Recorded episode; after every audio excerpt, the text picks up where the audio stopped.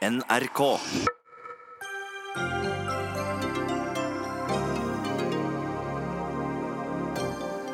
Ny sak ryster Fremskrittspartiet. Stortingsrepresentant er siktet for å ha kommet med grove trusler. Bør det bli enklere å avskjedige stortingspolitikere? Ja, mener Frp. Ny undersøkelse slår ettertrykkelig fast jentene er bedre enn guttene gjennom hele grunnskolen. Er da løsningen å la guttene begynne senere på skolen? Politiets sikkerhetstjeneste peker på Kina og Russland som cybertrusler, og ber norske myndigheter holde et øye med den kinesiske telegiganten Huawei. Det blir ikke populært. Og siviløkonomistudenter de vil ikke jobbe i det offentlige. Grunnen er ikke lønn, men det er risikosport å søke seg til offentlig sektor, mener de.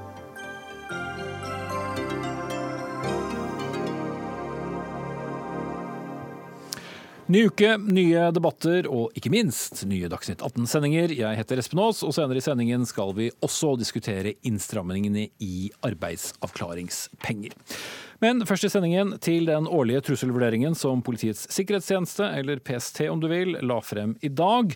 Og PST har også da eh, advart norske myndigheter mot den kinesiske telegiganten Huawei. Selskapet er en av få aktører som kan levere infrastruktur til det nye 5G-nettet her i landet. Og vi skal straks snakke mer om Huawei, vi, men først Benedicte Bjørnland, sjef for Politiets sikkerhetstjeneste. Den mest alvorlige terrortrusselen, også i år får vi nesten si, kommer fra ekstreme islamistiske grupper. Og det vurderes som mulig at ekstreme islamister vil forsøke å utføre terrorangrep her i landet. Det har vi hørt dere advare om før, men er det mer eller mindre grunn til å frykte den type terror nå? Hvis vi sammenligner med noen år tilbake i tid, så er jo eh, trusselbildet redusert med tanke på en eh, mulig terrorhandling fra ekstrem islamisme. Og Det har sammenheng med at eh, det miljøet vi så som farlig for noen år tilbake i tid, det knakker i sammenføyningene. En del personer har reist ut til Syria og Irak. Flere har dødd der. Og så er det personer som ikke kommer tilbake av andre årsaker. De reiser til andre konfliktområder. Og de som har kommet i retur, de er pågrepet, de er straffeforfulgt og domfelt og sitter og soner dommer, eh, en rekke av de. Mm. Så en eh, kombinasjon av eh, ytre hendelser og arbeid på, på norsk jord har altså redusert dette? Ja, jeg vil si det. Og så er det ikke sånn at vi kan avskrive det ekstreme islamistiske miljøet, men det er en forsiktig reduksjon. Og så gjør vi samtidig oppmerksom på at personer som sitter domfelt og soner dommer for terrorrelaterte handlinger, de kommer ut igjen. Og det er ikke sikkert at de har lagt eh, fra seg sitt ideologiske tankesett eh, eller ønske om å gjøre en voldelig ekstrem handling. Mm. Hva og, mener du når du sier det?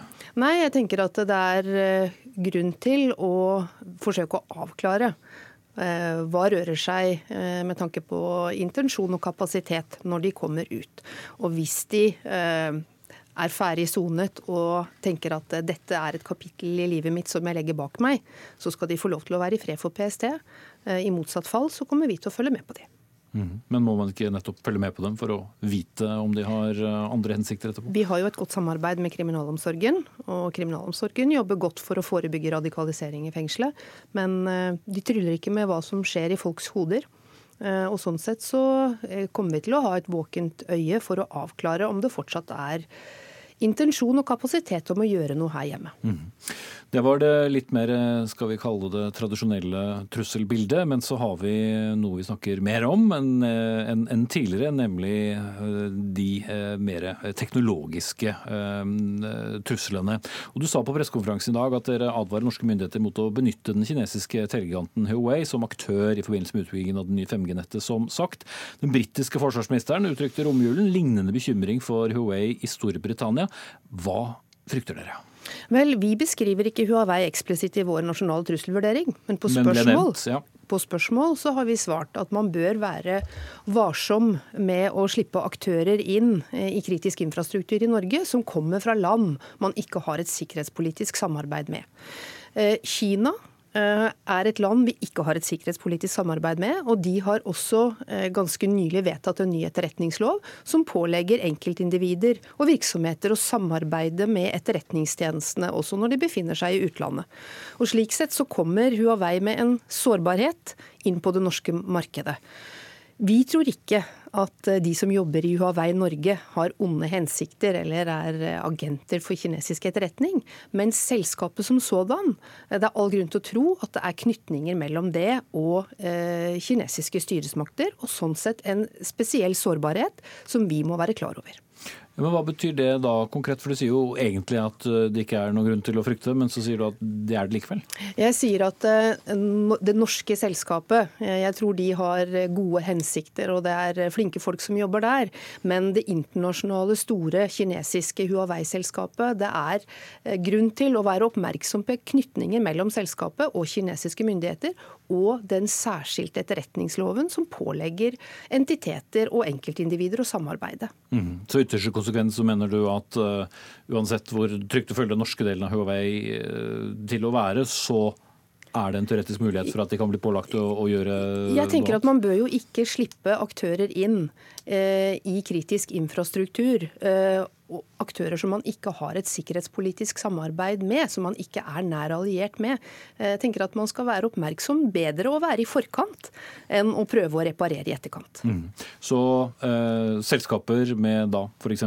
russiske og kinesiske, som var tema på pressekonferanse i dag, eh, eiere bør man da altså være særdeles varsomme med? Ja, jeg tenker at det er mye bedre å forebygge og være oppmerksom på at det er land og makter, stater, eh, som har andre sikkerhetspolitiske interesser enn det våre nære allierte har. Mm. Og Rent konkret så tenker du da spionasje lovvåking? Ja, eh, vi har beskrevet i vår nasjonale trusselvurdering at eh, det som på sikt er det mest farlige for nasjonen Norge, det er fremmede makter som vi ikke har et sikkerhetspolitisk samarbeid med. Og vi har konkret pekt på Russland, og også Kina. Først og fremst Russland. Fordi vi er eh, som nasjon eh, så er vi eh, Natos nordflanke. Og vi grenser til Russland. Og Russland definerer i hvert fall Finnmark som en del av sitt bastionforsvar. Og de har betydelig etterretningsbehov rettet mot nasjonen Norge. Mm. Et siste spørsmål. Eh, samme, eh, det samme konsernet eh, produserer jo også en rekke svært populære mobiltelefoner. Vil du si til norske folk at de bør også tenke gjennom hvilke merker de kjøper på mobiltelefon? Nei, nå har vi først og fremst rettet oppmerksomheten mot det man definerer som kritisk infrastruktur. Og jeg vil ikke gå ut og advare mot spesifikke telefoner. Det har jeg ikke grunnlag for. Men du har poengtert at uh, i hvert fall eierne og selskapet selv kan uh, være uh, pålagt andre ting enn en selskaper som vi har sikkerhetspolitiske samarbeid med. Ja. Mm. Takk til deg, Benedikte Bjørnland, PST-sjef. Tor Larsen Orderløkken, du er sikkerhetsdirektør i Huawei Norge, med oss på linje fra Lillehammer. Hva tenkte du da du hørte hva PST sa i dag? For det første så er jeg jo glad for at norske myndigheter og deres organer har en, en, godt fokus på sikkerhet. Eh, at de gjør sine jobber. Men det mener jeg at de må gjøre uavhengig av leverandører. Eh, og at de nå peker på Huawei direkte. Det er jo både svært uheldig og bekymringsfullt sett fra, fra vårt sted, ståsted. Vi jobber iherdig med å sikre våre produkter og tjenester. Og kjenner oss nok ikke igjen i alt det som blir sagt fra PST. Men noe av det? Det gjør vi ikke i forhold til det som går på eh, at Norge må ha en bekymring i forhold til hva vi leverer. Vi har levert eh, produkter og tjenester til telekomsektoren i, i veldig mange år, og i Norge i 11-12 år.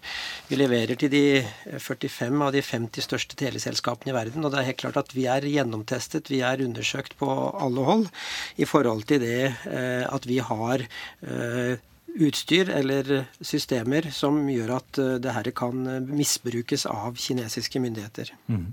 Men kan du da garantere at ikke det er noen grunn for eh, PST å, komme med, med, en advarsel om at selskapet som er norske Huawei også er tilknyttet da, et land som ikke vil ha et sikkerhetspolitisk samarbeid med? Det er jo viktig å ha et fokus på eh, hvordan man ivaretar eh, sikkerheten. Og at man har et, uh, et, fokus i forhold til de man ikke har sikkerhetspolitisk samarbeid med, er vi jo veldig godt kjent med. Derfor så har vi jo en veldig åpen og transparent linje. Vi ønsker at både kunder og myndigheter tester våre produkter og tjenester på en god måte. Vi har etablert testsentre i England, i Belgia, i Tyskland og er i ferd med å åpne et testsenter i Norge hvor både myndigheter og våre kunder kan teste og verifisere utstyret vårt. Mm. Vil dere følge opp disse uttalelsene på en måte? Vi jobber iherdig med å få fakta på bordet uh, i forhold til hvordan vi driver vårt arbeid, hvordan den globale verdikjeden er. Vi er jo en leverandør som har produkter og tjenester med komponenter fra alle mulige land og forskjellige leverandører. Og det her gjelder ikke bare Huawei. I den globale verdikjeden så har alle leverandører utstyr fra forskjellige land, også fra Kina. Så vi jobber med både eh, faktabasert informasjon, vi jobber med å eh, møte politikere, vi jobber med å møte våre kunder. Eh, de Men ikke noe konkret, uh, unnskyld at jeg avbrøt deg, ikke noen konkret reaksjon på dagens uttalelse?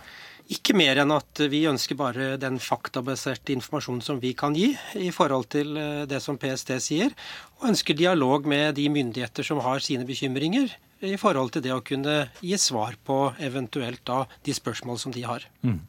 Torgeir Våthaus, du er direktør for internett og nye medier i bransjeorganisasjonen IKT Norge. Eh, advarselen som eh, Bjørnland kom med ved din side her, er det en klok advarsel? Det er i hvert fall en nødvendig inngang til en debatt om hvilke forholdsregler vi skal ha. Hvordan skal vi jobbe med de store aktørene som bygger nettopp samfunnskritisk infrastruktur. Og hvilke hensyn må vi ta. Og Den debatten er viktig. Om PST treffer midt i blinken på å peke på Huawei eller ikke, en vurdering som andre må gjøre. Den er utrolig komplisert og utrolig vanskelig, som Tore sier her. Huawei er et stort konsern som leverer til mange av de største og blir testa og testa og testa. Det som er viktig å være klar over, er at eh, det er mange sårbarheter ved den type infrastruktur. Eller potensielle sårbarheter. Det kan være at de som har bygd utstyret eller levert utstyret, kan gjøre noe. Men det er også infrastruktur som er konstant under angrep fra utsiden. Så her er det mange hensyn som skal tas. og Det viktigste er at myndighetene kommer med tydelige retningslinjer som gjelder for alle, og at de som er leverandører blir målt opp mot de retningslinjene. Mm. Men bare for å gå på det rent sånn operasjonelle eller, eller uh, konkrete, uten at vi vet det ene eller det andre. Men uh, hva kunne en fremmed makt da brukt f.eks. et 5G-system eh, hvis du sto for byggingen av det til?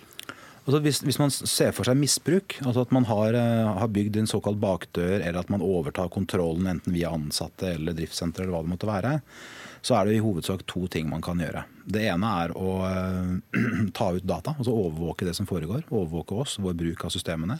Enten det går på innhold eller hvem som har kontakt med hvem, eller hvilke systemer som henger sammen osv. Eller man kan forstyrre eller få det til å fungere dårlig og feil. Så, og så er det selvfølgelig mange nyanser i alt dette, men, men i hovedsak er de to tingene. Altså overvåke å ødelegge. Og, eh, og, igjen så er det viktig å være klar over at det er eh, innganger til problemet for oss som kan, vel så gjerne kan gjøres av noen som står på utsiden av det. Eller for den del utro tjenere hos norske aktører. Så sikkerhetsperspektivet er viktig. Men det er utrolig viktig at vi samtidig ikke ser oss blinde på ett spor her, på hvor en aktør kommer fra. Det er viktig. Og som det ble sagt, vi har sikkerhetspolitiske hensyn, vi har mange andre hensyn som må tas. Men det er viktig at vi er faktabaserte. Det er viktig at vi vurderer eh, hvilke krav vi trenger å stille, og stiller de til alle, og måler alle aktører og leverandører mot de samme kravene. Mm. Det er òg viktig for meg å få fram at vi vi drifter jo ikke noe telenett i, i Norge. Vi er en utstyrsleverandør, og kundene ja, våre de drifter nettene våre. Ja. Jeg må si takk til deg der. Til slutt Tore Larsen eh, Orderløkken, sikkerhetsdirektør i Huawei Norge, og Torgeir Waterhouse, direktør for internett og nye medier IKT Norge. Dagsnytt 18 alle hverdager kl 18.00 på NRK P2 og NRK2. Da skal vi eh, til eh, hjemlig politikk eh, igjen, vi. For stortingsrepresentant Masiar Keshvari ble helgen arrestert siktet for grove trusler. Ifølge avisen Verdens Gang skal truslene ha involvert våpen. Keshvari selv anerkjenner ikke, eller erkjenner, heter det faktisk, ikke straffskyld. Keshvari er dermed en av flere stortingspolitikere som det siste året har trukket seg fra sine verv, enten det har handlet om seksuell trakassering, lekkasjer fra organisasjonsutvalg, regninger eller spredning av pornografi til mindreårige. Men det er altså slik at de beholder stortingsplassene sine helt frem til valget i 2021. Og det er noe du nok en gang vil eh, ha opp til debatt. Morten Wold, stortingspolitiker for Fremskrittspartiet, men også andre visepresident i eh, Stortingets presidentskap. Hvorfor tar du til orde for å gjøre noe med ordningen? Jeg tok opp dette her eh, i fjor, da de første metoo-sakene rammet Stortinget. For å løfte, prøve å løfte debatten. Den døde ganske fort hen.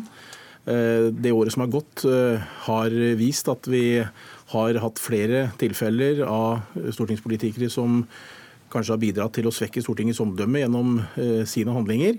Derfor så mener jeg at eh, vi bør ta debatten eh, hvorvidt man skal kunne søke om fritak fra vervet sitt. Vervet henger veldig høyt. Det skal ikke være enkelt å komme ut av det. Men jeg tror at i noen tilfeller så kan det være en løsning.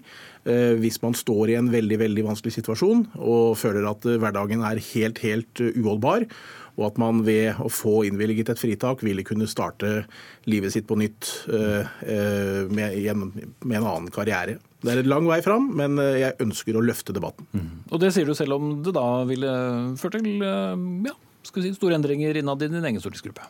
Jeg eh, vil nødig kommentere de enkelte sakene, eh, men eh, det har jo rammet flere partier på Stortinget i det siste året. Så på prinsipielt grunnlag så mener jeg det er riktig at vi drøfter muligheten. Det er langt fram til å få et vedtak i Stortinget for å endre Grunnloven på dette området. Men jeg tror det er riktig at vi snakker om det, drøfter det og ser på hvilke muligheter som foreligger. For, eh, for, å tenke litt rent operasjonelt igjen også, da, hvis du har en, en stortingsgruppe med, med, flere medlemmer som etter hvert har måttet trekke seg fra eh, en del verv, altså hva gjør det med, med dynamikken og gjennomslagskraften i en uh, gruppe? Det er jo sånn at Når representantene trekker seg fra verv som er knytta til sin stortingsposisjon, så blir de jo litt eh, på en måte vingeklippet og ikke fullt så operative. Så må noen andre fylle disse funksjonene. Eh, så ser vi jo også heldigvis at eh, for det om man har trådt feil, så har jo representanter også en evne til å på en måte rehabilitere seg og komme tilbake og utføre stortingsvervet sitt på en god måte. Det har vi sett flere eksempler på, og det er jeg veldig glad for. Mm. Du eh, vil eh, ta opp forslaget om mulig grunnlovsendring for dere som må til i FrPs gruppestyre i morgen tidlig. Og det at en stortingsrepresentant ikke kan sparkes eh, særlig lett, det er en god ting, mener du Martine Aurdal, debattansvarlig i Dagbladet. Hvorfor? Nei, Dette er jo som nevnt nedfelt i, i, Grunnlovens bestemmelser. At det skal ikke være verken det enkelte parti eller den enkelte representant som kan endre Stortingets sammensetning. Og Det er jo nettopp fordi at det å å være stortingsrepresentant er jo ikke en jobb, det er et verv og en plikt. Det er eh, partiene som har muligheten til å nominere de de mener kan representere dem, og så er det velgerne som bestemmer hvem som skal få deres tillit. Og i de landene der man har, det, har, slike løsninger da, for å kunne trekke seg eller for å bli skjøvet ut av partiene, så ser man at det er svakheter med, system, med disse systemene. Eh, det kan f.eks. åpne for at man har sånne kjendiser og lignende som eh, lokker, lokker, velgerne til å stemme på partiene, men så trekker de seg og uh, vil ikke uh, gjøre tjeneste som folkevalgt etterpå. Eller man kan se at indre stridigheter i partier kan gjør at, eh, at, man bytter ut representantene for at den ene eller den andre siden skal, skal vinne fram med sitt syn. Mm. Og Da får man jo sammensetning av Stortinget som gjenspeiler noe annet enn eh, velgernes mening, og det mener jeg ville være svært feil. Nå er det jo snever adgang til å miste vervet som eh, folkevalgt i Norge i dag, dersom man mister stemmeretten eller statsborgerskapet, eller melder seg til tjeneste for en fremmed makt, som det heter i mm. Grunnloven den, og den, eh, den adgangen bør fortsatt være snever. Mm. Ja, det var egentlig spørsmålet tenkt å stille deg, stortingspresident Tone Trøen. Eh, men altså, forklaringene på at representantene nærmest må sitte ut eh, perioden nesten uavhengig av hva de måtte gjøre galt? Nei, Jeg syns jo Martine Aurdal egentlig beskrev det ganske godt. Det er nedfelt i Grunnloven. Det er en borgerplikt. altså Vi påtar oss en plikt til å skjøtte vervet i fire år. Det er jo en eh, det er, jo, eh, det er jo, noe velgerne eh, vet når de stemmer på oss, at vi tar på oss dette vervet i fire år. Mm. Men jeg tenker jo samtidig, særlig siden valget i 2017, så er det en del velgere som tenker på at her er det en del representanter i ganske mange partier som ikke gjør det helt det de burde gjøre når de er folkevalgte? Kan de ikke gjøre noe med folks oppfatning av det som skjer på Stortinget. For all del, det store flertallet har ikke havnet i slike saker, men, eh, men det har også vært en, en, god del saker, særlig denne stortingsperioden. Jo, nei, og jeg er selvfølgelig bekymret for at de sakene vi nå har hatt i denne perioden, kan bidra til at omdømmet til Stortinget svekkes, og at tilliten til oss politikere svekkes. Og det skygger jo fullstendig for det viktige parlamentariske arbeidet som foregår i Stortinget hver eneste dag. Eh, men så er det slik at Grunnloven er veldig tydelig på dette her. og Dersom en skal gjøre endringer på det, så må eh, Grunnloven endres. Og det er jo eh, slik at når det ble bestemt på denne måten, så handlet det jo også om at stortingsrepresentantene fritt skulle utøve sitt verv. Og det handler også litt om det Martine Aurdal sier, at man ikke skal komme i den situasjonen hvor man innskrenker en folkevalgts mulighet til å være folkevalgt, eller hvor man presses ut også av Stortinget av ulike årsaker. Mm. Men forslaget til Vold ved din side, da? Ehm, det er slik at ehm, alle på Stortinget kan fremme forslag til grunnlovsendringer. Det er var du flink stortingspresident. Men... Ja, var jeg ikke det?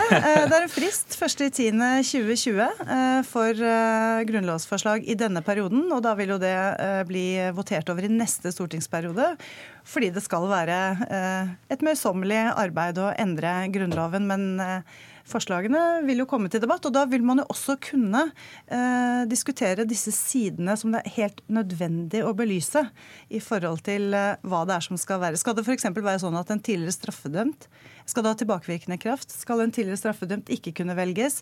Etter rehabilitering eh, skal man kunne, ha, eh, skal man kunne presse en nei, eh, stortingsrepresentant Man kan sikkert presse meg ut òg, men en stortingsrepresentant ut dersom det er saker som partiet velger å ja, gjøre på den måten. Så dette må man gå veldig veldig nøye gjennom. Og jeg er glad for at vi har det sånn, at Grunnloven ikke endres uh, veldig enkelt.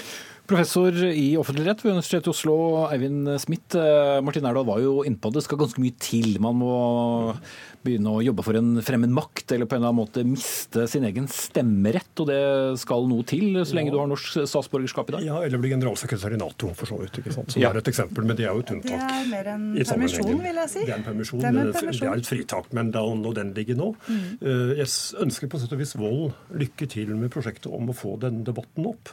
Særlig hvis den kan handle om annet enn enkeltpersoner. Altså, ja, det må jo handle om det prinsipielle. Ja, ikke sant. Og det er nokså vanskelig i politikken. fordi det plopper opp når man får en ny sak, og det har vært en del, og så faller det ned igjen.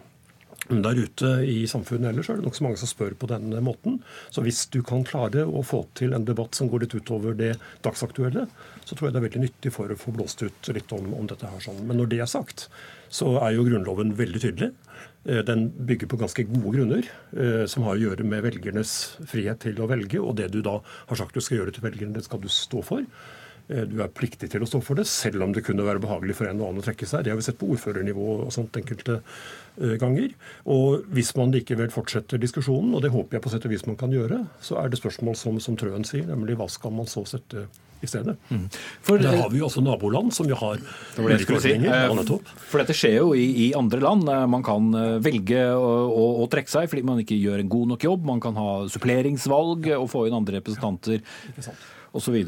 Men, men da kan det være helt åpent om, man, om partiet da mister eh, plass? For ja, ikke sant. Ja. Det er masse argumenter mot en, en ordning som handler om frivillighet, bl.a. i at partiet kan ønske å bli kvitt en man ikke ønsker å ha lenger. Jeg sa ingenting om dagens situasjon, men det er et allment uh, poeng som jeg syns man ikke skal glemme. Det er ikke bare kjendiser av typen kultur og pop som, som, som kan stille til valg i naboland. Det kan også statsministre som så ikke liksom får flertall, og, som så trekker seg fordi da vil heller drive med business eller noe. Jeg er ikke sikker på om jeg syns det er noe særlig hyggelig. Sverige har sånne eksempler. Men, eh, så er det mulig å få folk ut av Folketinget i Danmark. La oss også minne om den, men det er ikke lett. Men det er en viss mulighet som man kanskje kunne vurdere her. Men der er kriteriene, det er tatt med fordi jeg er noe jurist, ikke sant, at kriteriet er at vedkommende er straffet. Altså ikke bare tiltalt eller noe, men straffet. Og det skal være for noe som i det alminnelige omdømmet gjør deg uverdig til å sitte i parlamentet. Og da blir spørsmålet hvem skal avgjøre det, hvilke kriterier skal brukes. Og jeg vil nok advare litt mot å gå raskt inn i denne debatten. Men eh, altså, Morten Wold eh, han eh, representerer jo partiet som sier det er for folk flest. Og mange vil jo da tenke noen av disse sakene som har gått gjennom Stortinget i mange partier. Så tenker man, Ville man beholdt vanlig jobben, og, og så er det ikke en jobb å være stortingsrepresentant, det er et verv som vi sier. Men vi som jobber i media får jo disse spørsmålene hele tiden. Hvorfor skal det være andre regler? Kan det på et tidspunkt bli et problem? Uh, at det ser ut som det er litt ulik liv og lære for folkevalgte og, og, andre? Ja, men det må Trøen og oss andre, eller dere andre særlig, ikke sant, prøve å ivareta. Forklare hvorfor det kanskje er en forskjell. For det er en forskjell, dette er ikke en jobb. Og så er det så også spørsmålet hva skal være kriteriet igjen. Altså, Det har vært eksempler det vet du, og det, det vet vi, og at, av folk på Stortinget som er tatt i promillekjøring eh, og er straffet for det. Men skal det være nok til å miste ditt verv som folkevalgt? Jeg er ikke sikker på det, og det har man ikke praktisert så langt. F.eks. Uh, Metoo-sakene har så vidt jeg vet ingen av dem, i hvert fall de store, ført til straff. Nei. Skal det da være dagens moralske forargelse, som er helt legitim, som skal avgjøre det, og ikke morgendagens eller gårsdagens? Hvor det var helt vanlig uten at noen sa noe. Det er masse sånne mm. problemer man da må ta opp. Trøen, tiden løper men... Uh... Nei, ja, Vi må jo bare huske på at uh, det er jo ingen immunitet uh, i å være stortingsrepresentant. Så, så ved et lovbrudd og, og, så blir man jo selvfølgelig straffeforfulgt og, og, og tiltalt og, er kjent skyldig. Sånn at jeg tror det vi, det vi, må, det vi må, diskutere når denne saken kommer opp, er alle de ulike sidene som kan være problematiske ved dette. Og det er jo også slik at når vi tar på oss et verv som stortingsrepresentant, så skal velgeren vite at det er dette jeg prioriterer i fire år. Jeg, jeg søker ikke om fritak etter tre år fordi jeg får en annen jobb som jeg syns er mer interessant. ikke sant? Det er jo også en side ved det, selv om den høres litt banal ut i denne sammenheng. Så er det et verv vi tar på oss, en plikt vi tar på oss, som vi skal skjøtte i fire år på vegne av de velgerne som, som stemte på oss. Jeg tror det er mange som kommer til å følge noe med på hva dere gjør der. Eh, tiden vår er ute. Takk til Tone Wilhelmsen Trøen, stortingspresident Morten Wold i presidentskapet, Martine Aurdal fra Dagbladet og professor Eivind Smith.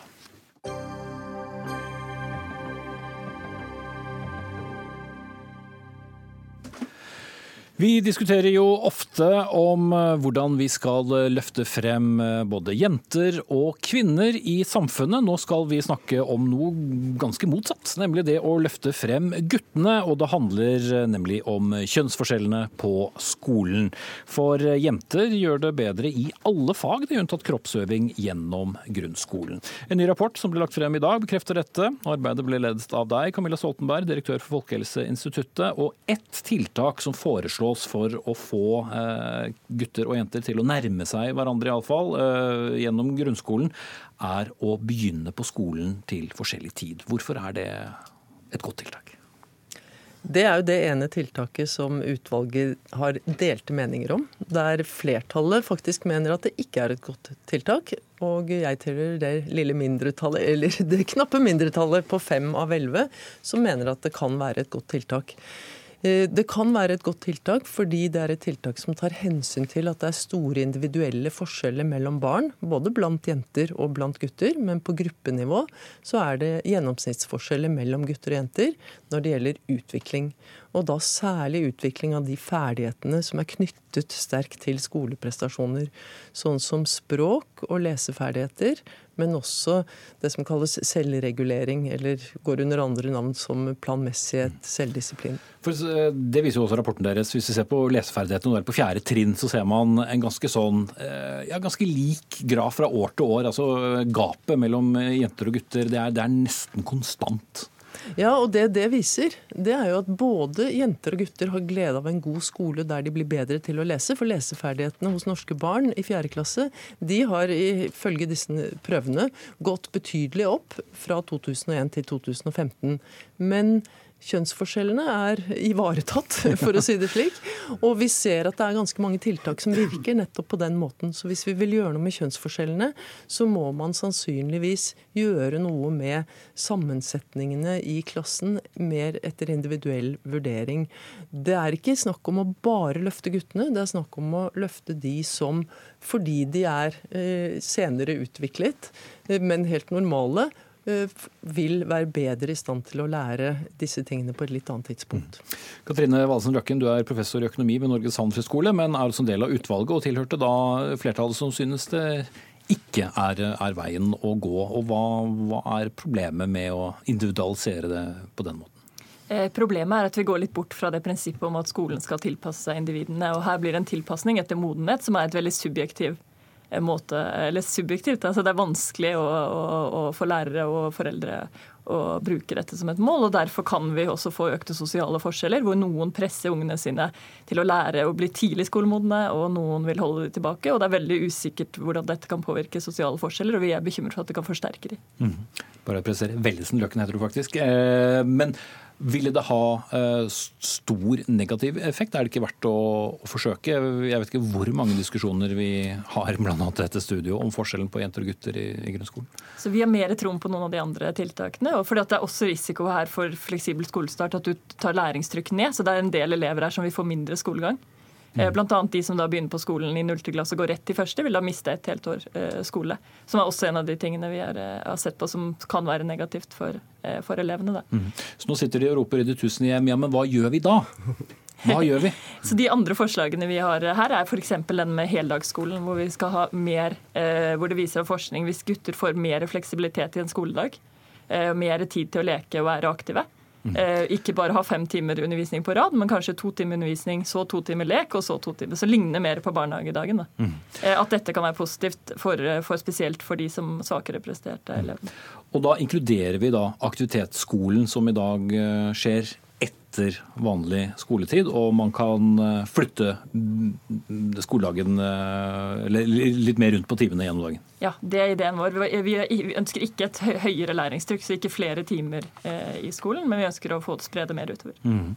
Men Stoltenberg, selv om kanskje ikke det var din idé da, hvordan klarer vi da å jevne ut forskjellene? Blir det da to løp på jenter og gutter? Nei, Vi og jeg tror jo at det er flere ting vi må gjøre. Vi tror ikke at fleksibel skolestart alene vil gjøre det. Eh, altså utnevne forskjellene tilstrekkelig. Men eh, det er andre forslag som også går mer spesifikt på å utjevne forskjellene. og Det er kanskje særlig ett som er lett å illustrere. og Det dreier seg om å vekte karakterene i 10. klasse etter eh, fagenes timetall. Da vil f.eks. matematikk spille en større rolle, fordi det er bare én karakter.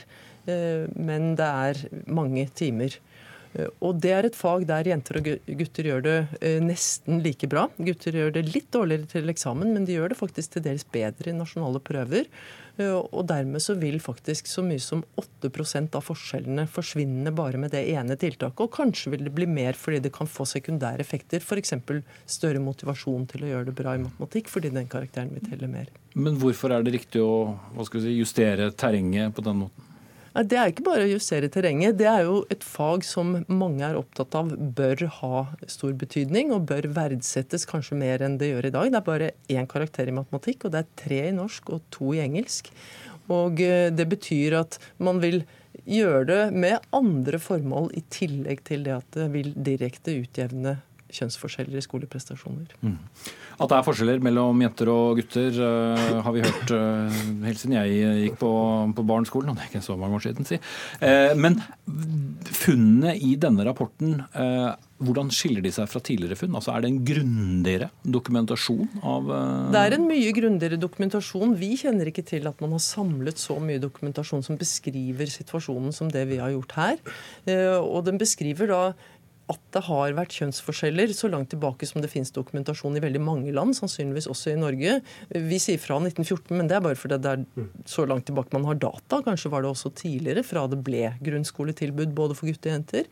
Og så har det eh, først etter at man fjernet både de formelle og de reelle barrierene mot at jenter gikk videre med utdanning, fått helt andre konsekvenser enn tidligere. Det er jo i sitt utgangspunkt veldig positivt. Det er en utvikling som ingen ønsker å reversere. Så noe av kunsten her dreier seg jo om å løfte guttene tilsvarende. Mm. Kunnskaps- og integreringsminister eh, Jan Tore Sanner fra Høyre, det er jo du som har ansvaret her. da. Hva har du tenkt å ta tak i konkret fra rapporten du har fått i dag? For du kan ikke gjøre alt. Jeg kan ikke gjøre alt, men vi kan gjøre mye. Eh, og dette er en eh, veldig viktig rapport. Eh, for vi må sørge for at vi har en skole som løfter alle elever, og at alle elever har samme mulighet til å lykkes, uavhengig av bakgrunn og, og kjønn. Men det har vel mange ministre sagt før deg?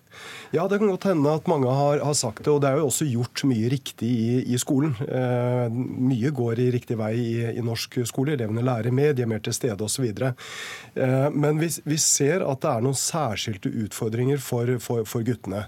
Eh, og jeg mener vi må fortsette å øke kvaliteten i barnehagene. Det at du har flere med pedagogisk eh, utdanning som kan sørge for at eh, barna får tettere oppfølging, det er viktig. Lære mer i barnehagen? Eh, nei, Barnehagen skal fortsatt være barnehage, hvor det skal være lek og, og, sosial læring. Men det er klart at språkutviklingen er veldig viktig i barnehagen. Og vi ser at de som har gått i barnehage, de gjør det også bedre når de kommer opp i, opp i skolen. Overgangen til skolen er utrolig viktig. At du har tidlig innsats når et barn blir hengende etter, at du får hjelp og støtte raskt. Og så må, vil jeg også ta tak i, i det spesialpedagogiske støtteapparatet. fordi at vi ser at 70% av de som får spesialundervisning, er gutter. Mm. Og den kommer ofte for sent, og den er for dårlig. Og det må vi sørge for at det er mer kompetanse der barna er. Det vil komme gutta til gode. Mm. Martin Henriksen, stortingsrepresentant for Arbeiderpartiet og medlem av utdannings- og forskningskomiteen på Stortinget. Hva mener dere Sanner først og fremst bør gjøre med denne rapporten i hånden? Altså, det er en veldig spennende rapport om et veldig alvorlig tema, og kjønnsforskjellene, at de er så systematiske, eh, det viser jo at vi er nødt til å Uh, nødt til å ha tiltak her. Jo, jeg tror det er veldig viktig å trekke fram det Camilla Stoltenberg-utvalget har sagt, at det tar lang tid å utjevne de her forskjellene. Vi må nok regne med en generasjon før de kjønnsforskjellene kan utjevnes. Men det betyr ikke at, Nedslående nok, men da må man ja, begynne. Men det betyr ikke at det ikke haster med å sette inn tiltak. Og én ting er i barnehagen, der vi tror det gjelder å få flere voksne, kvalifiserte voksne, f.eks. flere barnehagelærere inn. Mm, det og, det andre, og, det andre, som jeg mener bør starte med å gjøre, det er jo noe Stortinget allerede har bedt regjeringa om å følge opp, nemlig å se på det første skoleåret. Hvordan får vi det til å innføre innført mer lek, mer aktivitet for de yngste elevene? At det ikke blir så mye stillesitting. at Da får du en skoledag som passer bedre, at du kan lære både med hode og hender. Og Det mener vi må sette i gang med også for de eldre klassetrinnene, Mer praktisk læring. Der har Stoltenberg-utvalget eh, noen forslag. Eh, men det går bl.a. på valgfag og sånn. Jeg mener vi må sørge for at det blir mer praktiske læringsmetoder i alle fag, mm. og knytte teori og praksis sammen. Jeg tror det ikke minst er bra for de guttene som ofte karakteriseres som litt skolelei eller demotivert. Sånn. Hvis det er slik at Arbeiderpartiet vil senke læringstrykket i skolen, så mm. er jeg veldig uenig. Eh, vi må sørge for at vi stiller krav til både gutter og, og, og jenter. Nå fornyer vi faktisk hele skolen gjennom fagfornyelsen. Vi gjør mer praktisk, var vel det altså? Ja, men med nye, det er å senke læringstrykket, men med, med, nye, med, med nye, nye, læreplaner, og hvor flere av fagene kommer til å få en mer praktisk og utforskende karakter.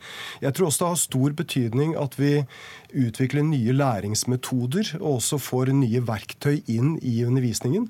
Jeg har selv hatt gleden av å besøke en skole på Hamar som bruker VR-briller i matematikkundervisningen. Og jeg skal love deg at de gutta de var konsentrert. Eh, og professor Nordahl, som følger dette prosjektet ja, viser, jo, men, men, men, men, poenget er at man må også ha de konkrete verktøyene. Og det å bruke nye digitale verktøy, det gir effekt. Mm. Og så må vi heller ikke gjøre det til et problem at jentene gjør det bra. Nei, det skal vi glede oss over. Men er også poengtert løfte, i, i rapporten. Men jeg tror mange er litt utålmodige og mm. vil at noe skal skje litt raskt. Ja, så For hvert, hvert, år som går nå, så er det 60 000 nye elever som begynner på skolen. 30 000 av dem er, er gutter. Og det haster å sette i hvert fall i gang en del tiltak. Og jeg må bare si til kunnskapsministeren sier at Arbeiderpartiet vil senke læringstrykket. Det å ha mer praktiske læringsmetoder i skolen er ikke å senke læringstrykket, det å binde teori og praksis sammen på en bedre måte. Ja, sånn at bl.a. de guttene vi snakker om her, eh, kan lære bedre. Og så vil jeg si også at eh, Utvalget kommer med en del andre forslag som jeg mener man bør ta tak i raskt. Det ene er læreplassgaranti. Sørge for at elever faktisk får læreplass og ikke må avbryte utdanninga si eh, når de er ferdig med den tida de har i skolen. Og så mener jeg også, ja, mener jeg også det den debatten man har om fleksibel eh, skolestart her, som eh, utvalget også det er en uenighet om, der merker at det røkker litt i den sosialdemokratiske eh, sjela. At det kanskje skal være sånn at en del elever skal liksom løftes opp for opprykk til til første klasse underveis i skoleår og sånn.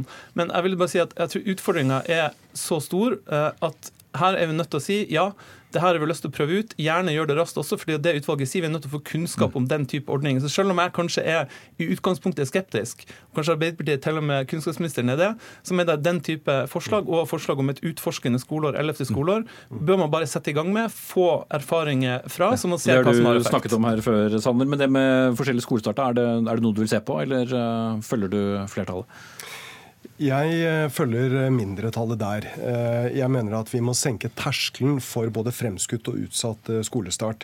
Men jeg er også veldig enig med flertallet i at, at det er skolen som skal være klar til å motta elevene.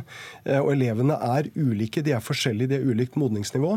Det må være det aller viktigste. Det er skolen som er klar. Det er ikke slik at, at, at, det er barna som først og fremst skal gjøres klare, det er skolen som er klar. Men så er det jo riktig som Camilla Stoltenberg sier, at, at det kan være veldig stor forskjell også i modenhet på en som er født i januar og en som er født i desember.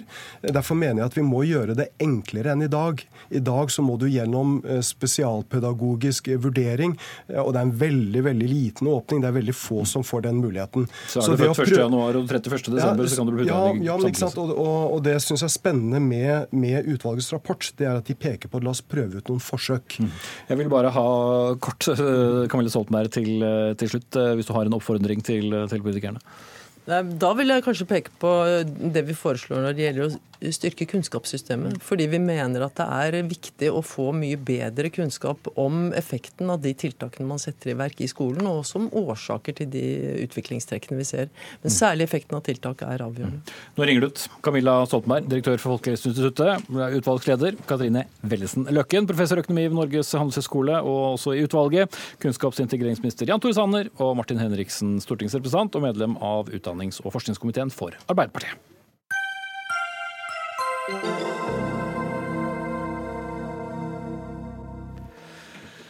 skal vi eh, snakke om innstrammingen eh, i reglene for arbeidsavklaringspenger, for dette har skapt eh, politisk strid. Stortingsflertallet ved de fire borgerlige partiene vedtok i 2017 å redusere støtten som man kan få arbeidsavklaringspenger da altså, fra fire til tre år.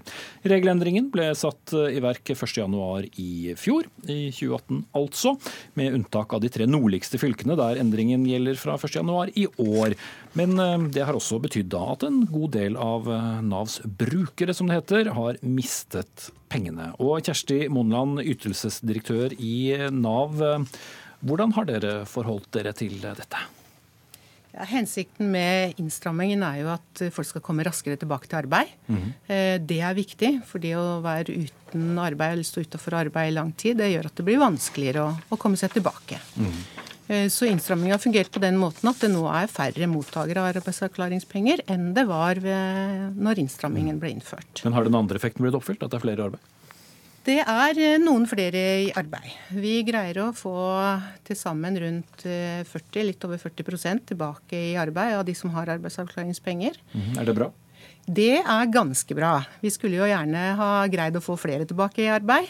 Men det er jo en del av de som har arbeidsavklaringspenger som er òg så syke at de får uføretrygd. Mellom 37 og 38% av de som går ut av arbeidsavklaringspenger, de får uføretrygd. Mm. Din sjef, Sigrun Vågeng, som da er Nav-direktøren, hun gikk ut og beklaget i Dagsavisen at mange hundre brukere ikke fikk beskjed om denne endringen. Hvordan kunne det skje når det var vedtatt på Stortinget? Regelverksinnstrammingen var eh, vanskelig å håndtere for Nav. Det var veldig mange som skulle avklares og vurderes på nytt eh, over en ganske kort periode. Så vi undervurderte arbeidsmengden, rett og slett, som det førte til. Eh, og en del måtte ha nye legeerklæringer og osv. som gjorde at vi fikk for lange saksbehandlingstider. Og det beklager vi veldig. Det er mm. satt på ekstra bemanning, sånn at vi nå jobber for å sørge for at folk får de vedtakene de skal ha. Mm. Rent konkret da for arbeid, du er jo for så vidt eh, innom på det, men det at man korter den avklaringstiden ned med ett år eh, fra en, en dato for i hvert fall de fleste av fylkene her i landet, hva slags effekt ga det for Nav? Ja, det, er, det, betyr at 16 eh, 700 færre nå får arbeidsavklaringspenger. Og så er vi ikke helt sikre på at eh, hele effekten skyldes innstramming. Eh, men fra 140 000 vel så som hadde arbeidsavklaringspenger, så er det nå 124 000 som, mm. som har arbeidsavklaringspenger. Har det spart det offentlige for penger? Ja, det er klart det sparer det offentlige for penger. Stønadsutbetalingene blir jo redusert, men det er òg mange som nå går over på uføre, som har en varig sykdom. Mm. Og da er det ikke snakk om å finne arbeid lenger, da, da går de på en stønad. Da får de uføretrygd. Mm. Da skal vi uh, si takk til deg, Kjersti Monland, ytelsesdirektør i Nav. Og så skal vi gå over til uh, politikerne. Og jeg begynner med deg, Lise Christoffersen. Du er stortingsrepresentant for Arbeiderpartiet og sosialpolitisk talsperson. Ditt parti stemte jo imot denne innstrammingen. Uh, var det riktig? Ja, det var riktig å stemme imot. Det ser vi jo nå. Fordi? E-postboksen flommer over av fortvila mennesker som har mista retten til arbeidsavklaringspenger uten at de er ferdig avklart. Verken til uføretrygd eller til arbeid. Og eh, som Nav-direktøren her nå også sa, det er 16 700 færre som får arbeidsavklaringspenger. Ja, det sparer staten for, for utgifter. Ja, mon det. Det tyter jo ut igjen i form av sosialhjelp, uføretrygd. Eh, Så du mener at mange havner i stedet på en, da, en varig trygdeordning i stedet for å eventuelt gå noe lenger på arbeidsavklaringspenger og komme ut i arbeid? Ja, og Nav sier jo sjøl på sine hjemmesider at det har vært en nedgang her, særlig blant folk mellom 40 og 60 år. Det er jo ikke akkurat de aldersgruppene som har det aller enklest på arbeidsmarkedet for tida. Det har blitt flere på uføretrygd. Færre, faktisk, med overgang til jobb, står det på Navs hjemmesider. Og det er flere som fortsatt har nedsatt arbeidsevne, men som ikke får arbeidsavklaringspenger. Og de menneskene får i dag beskjed om enten sosialhjelp eller privat forsørging. Og det er urettferdig. Dette er sjuke mennesker som har det vans en vanskelig periode. Så reglene, lovendringene burde ikke skjedd? Nei, og det var jo ikke bare en innstramming fra fire til tre år. Det har jo også blitt vanskeligere inngangskriterier, og det har blitt vanskeligere å få en forlengelse selv om du trenger det. Hold på de tillegg... argumentene litt til. Ja, vi kan ta det seinere. Ja, ansvarlig statsråd heter Anniken Hauglie. Hun kunne ikke møte Dagsnytt 18 i kveld, men i hennes sted stiller du Heidi Nordby Lunde, stortingsrepresentant for Høyre og sosialpolitisk talsperson for det partiet. Har det fungert etter hensikten? Det mener vi at eh, det har, når vi også nå hører at av de 16 000 så er det 40 eh, som går ut i arbeid. og Det betyr jo at vi avklarer flere raskere enn tidligere. Det er jo ikke et mål i seg selv at flest mulig skal holdes lengst mulig på en ordning, når målet er å avklare hvorvidt du faktisk er så syk eh, eller ufør at du skal inn på en uføretrygd. Da mener vi at vi kan avklare det før det har gått de fire eller nå tre årene. Eller om du har mulighet til å gå ut i arbeid, så er det bedre at du kommer raskere ut i arbeid arbeid enn å stå hele den tiden ut. Mm. Jo lengre du er ute av arbeidslivet, jo vanskeligere blir det å komme tilbake. Mm. Det er vel de fleste enige om, men er det også da en fare for at flere havner på sosialtrygd enn om man hadde utredet dem lenger og kunne fått dem ut i arbeid? Ja, Målet er jo ikke, målet er jo ikke som sådan å ha færrest mulig på en ordning. Målet er å ha riktig ordning til riktige eh, grupper mennesker. Og vi vet at det er flere som er uenig i avgjørelsen når Nav har fattet en, en avgjørelse. Det betyr ikke at Nav har gjort feil, det betyr at de har fulgt det regelverket politikerne har satt dem til å forvalte. Og det støtter jeg opp under. Men nå hørte vi jo at i overgangsperioden her, når de nå har lagt om systemet, så har det skjedd feil og mangler. Og der er vi enige om uh, at det ikke skal, skal, skje, partipolitisk og også fra Nav selv. Men så er det jo spørsmål om man mener at dette her er feil i systemet. Der er vi veldig klare på at vi mener at det var riktig å avkorte den perioden noe. Fordi jo lengre du står langt unna arbeidslivet, jo vanskeligere er det å komme tilbake igjen. Det har dere alle fortalt nå. Men men Kristoffersen, er det ikke for tidlig bare etter ett år å si at eh, dette ikke fungerte? Nei, jeg syns ikke det. Og jeg har jo egentlig lyst til å spørre Nordby Lunde da om det er sånn at alle disse brukerne som nå henvender seg, at advokater, at leger, at Nav-ansatte, at de tar feil når de sier at disse innstramningene virker mot sin hensikt. Eh, greit nok for dem som har en kort vei, og som klarer seg med et løp på et år eller to. Det er jo ikke dem vi snakker om. Vi snakker jo om dem som har lange løp foran seg i helsevesenet, kanskje litt diffuse diagnoser, blir feildiagnostisert, står på venteliste i eh, helsevesenet, og som står igjen uten inntekt. Det er jo ikke noe rart at folk blir fortvila, må mm. bruke av sparepenger, kanskje selge boligen sin. Vi kan ikke ha sånne tilstander, mener vi mm. i Arbeiderpartiet. Da, da fikk du stilt spørsmålet. Ja. Eh, man vil huske på at her har man først gjerne vært gjennom et sykdomsforløp, og hvor du da har rett på tre år i tillegg til det med arbeidsavklaringspenger. Og Målet med den perioden er jo nettopp å finne ut av er du så, nå så syk at du skal egentlig over på en uføretrygd og ha det resten av livet som en inntektssikring, eller skal vi kunne klare å avklare deg ut i arbeid? Og det er klart at Målet vårt er jo å avklare folk så raskt som mulig, sånn at de får de tiltakene de skal. Så er det jo sånn at Når vi havner her i studio, så diskuterer vi alltid én og én ordning. Men dette her er jo, det er flere ordninger tilbake eh, i systemet. og I dag er verdens kreftdag. Kreftforeningen var ute og sa at de ønsker nå å diskutere hvorvidt man kan ha en sykelønnsordning som kan strekkes over to år, nettopp for å utvide jo, dette. Og at arbeidsgivere også får eh, verktøy som gjør at de kan inkludere folk. At det nødvendigvis ikke er penger som går til arbeidstaker, men de som skal inkluderes i mm. arbeidslivet. Så det her er eh, større enn bare ett spørsmål. Jo, men de som da Kristoffersen nevner, som vi har sett i ja, særlig Dagsavisen som har kjørt en, en serie om det, og, en del advokater som eh, mener at eh, her har det ikke fungert som det skal. Uh, har de feil, eller jeg kjenner ikke til eh, hver enkelt sak eh, individuelt, men noen av de kan nok eh, De blir jo sett på hvis de blir påklaget inn til, til, Nav, så vil de jo få en ny saksbehandling på det. Men det er riktig at når man er ferdig avklart, og vi har sagt at nei, du skal faktisk nå enten ut i arbeid, så har man andre ordninger, som f.eks. sosialhjelp. Men så ser vi veldig ofte at når sosialhjelp brukes som virkemiddel, så er det veldig mange som ikke ønsker det. De ønsker seg inn på andre typer ordninger. Så jeg er åpen for en debatt som ser på helheten i trygdesystemet trygdesystemet vårt, om dere treffer riktig, om vi bør harmonisere, åpne, forlenge eller forkorte på noen ordninger. Men på arbeidsavklaringspenger så mener jeg at det er helt riktig å korte ned den perioden for å få folk eh, avklart raskere. Kristoffersen. Ja, eh, jeg har stilt en rekke spørsmål til eh, statsråden om de negative virkningene vi nå ser av de innstramningene for ganske mange mennesker. Og det er jo ikke sånn at det bare har vært en innstramming nå det siste året. Jeg stilte det første spørsmålet om dette i januar 2017. For allerede da så var det en del brukere som fikk beskjed av sine saksbehandlere at du kan antagelig glemme å søke om forlenging, for det kommer til å bli en innstramming. Så allerede da starta det. så det begynte før 1. januar? Ja, jeg har stilt fem spørsmål til statsråden.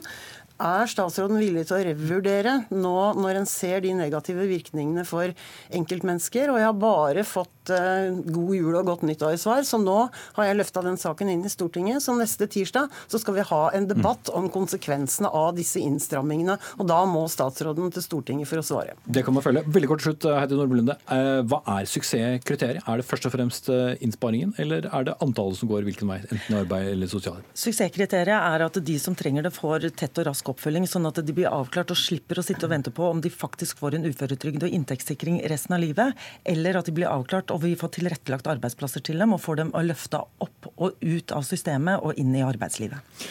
Ok, Takk til Heidi Nordby Lunde fra Høyre og Lise Christoffersen fra Arbeiderpartiet. Hør Dagsnytt 18 når du vil. Radio NRK Radio.nrk.no.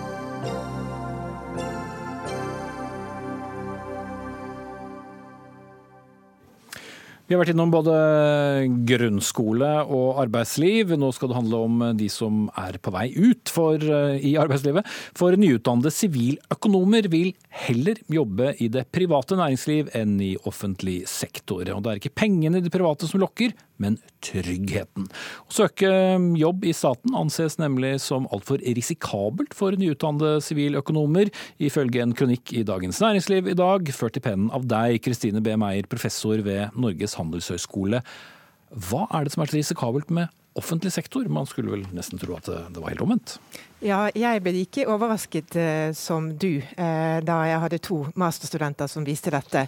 Eh, og Det som er risikabelt, det er at når siviløkonomstudentene begynner å søke jobb, og det gjør de ganske tidlig, så står private bedrifter der med jobber i hånden.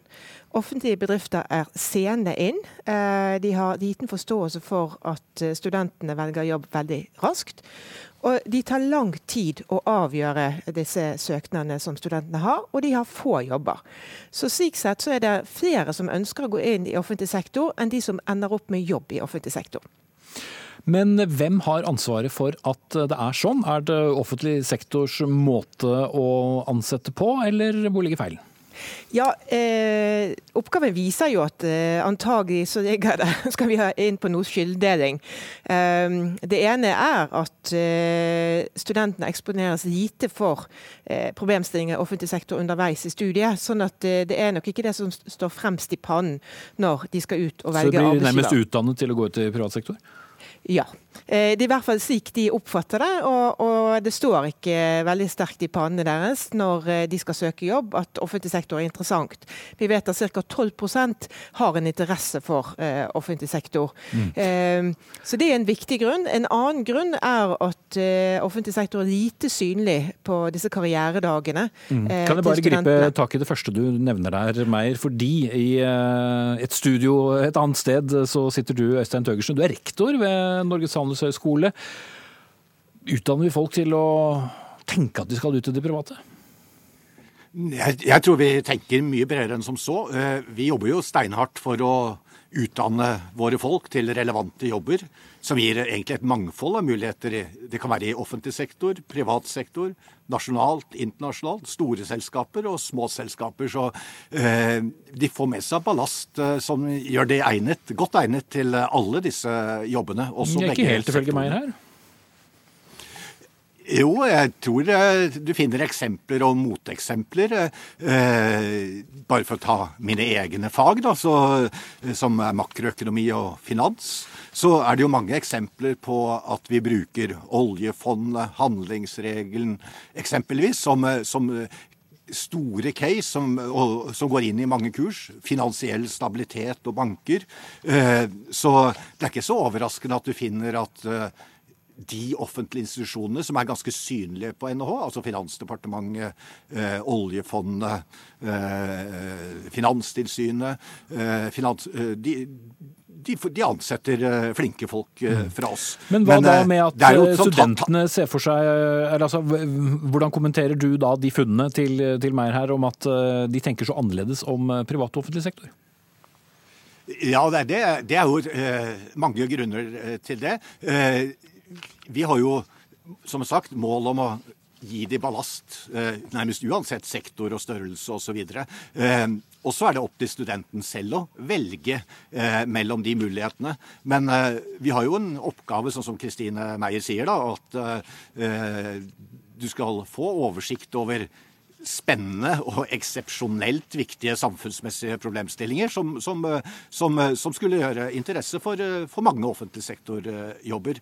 Men jeg, jeg, tror kanskje at det som er en viktig grunn til disse funnene, det er at førstejobben til siviløkonomene går i ofte til til de store konsulentselskapene, sånn, som har veldig gode opplegg for å ta inn nye studenter. Alle studenter vet at kommer du inn der, så har du et trainee-opplegg eh, osv. Så, videre, så kommer du inn på en trygg, eh, trygg bane eh, og lærer veldig mye. Og så kan du gå videre til andre sektorer mm. i jobb nummer to. Så jeg tror bildet er kanskje litt rikere da, enn det disse 10 isolert sett eh, skulle tilsi. For ordens skyld så har vi i Dagsnytt 18 vært i kontakt med flere storoffentlige institusjoner som Finansdepartementet, Finanstilsynet og Skatteetaten. Ingen av de hadde mulighet til å, å stille i studio. Men uh, professor uh, Meyer, kan det også hende at uh, studentene tenker at offentlig sektor ikke er så spennende som privat sektor? Ja, altså, Det virker i hvert fall slik. Eh, men jeg har også lyst til å si at eh, det var faktisk en større søkning til offentlig sektor for bare noen få år tilbake. Både på BI og NHH. Så det har skjedd noe de, som, eh, de seneste fem årene som har gjort at også de som ender opp i offentlig sektor, er færre. Og Det er jo bekymringsfullt. sånn at jo si Det er veldig viktig at vi griper fatt i dette. Mm. Men hva er effekten av det? Altså Får ikke offentlig sektor de riktige folkene, eller så har de for få å velge? Ja, altså Effekten blir jo at i hvert fall nyutdannede ikke kommer inn. Eh, og Vi har også hatt en annen masterutredning eh, som også har vist at det er få ledere for siviløkonomer i offentlig sektor. Så, så det er noe eh, her vi må arbeide med. Mm. Øystein eh, Tøgersen, eh, hva kan det offentlige lære av eh, det private når det gjelder rekruttering? Vi hørte jo noe av det Meyer sa, sa tidligere i diskusjonen her. Eh, jeg tenker at eh, store enheter, store eh, departementer osv. De kan nok lære av disse konsulentselskapene å ha et fast opplegg gjennom året, så at alle vet at søknadsfristene da, antall stillinger er sånn, og kravene er slik og slik. Og skal du jobbe hos oss, så gir vi spennende muligheter eh, på den ene og andre måten. Det er jo ak akkurat som Kristine Meyer sier, så, så, så, er det jo flust av oppgavene i sektor som er fryktelig spennende, og, og, og der ligger det eh, kanskje en liten markedsføringsjobb. Så, så, skal vi ta oss av å levere råmateriale eh, på en veldig god måte, da. Høres ikke så bekymret ut? Jeg vil, eh, altså, vi, vi, kan gjøre eh, Vi på Handelshøyskolen, og, og både Kristin og meg og våre utmerkede kollegaer, vi skal gjøre vår, vår del for å utdanne folk som, som, kan gjøre veldig viktige oppgaver. Og, og det er vår del av, av, av jobben. Ikke la det slippe ut, det finnes faktisk siviløkonomer som har blitt journalister også. Kristine B. Professor ved Norges handelshøyskole, og Øystein Tøgersen, rektor ved NHH. Takk skal dere ha. Denne sendingen er ved veis ende. Det var Fredrik Lauritzen som hadde ansvaret for den. Frode Thorshaug tok seg av det tekniske. Jeg heter Espen Aas.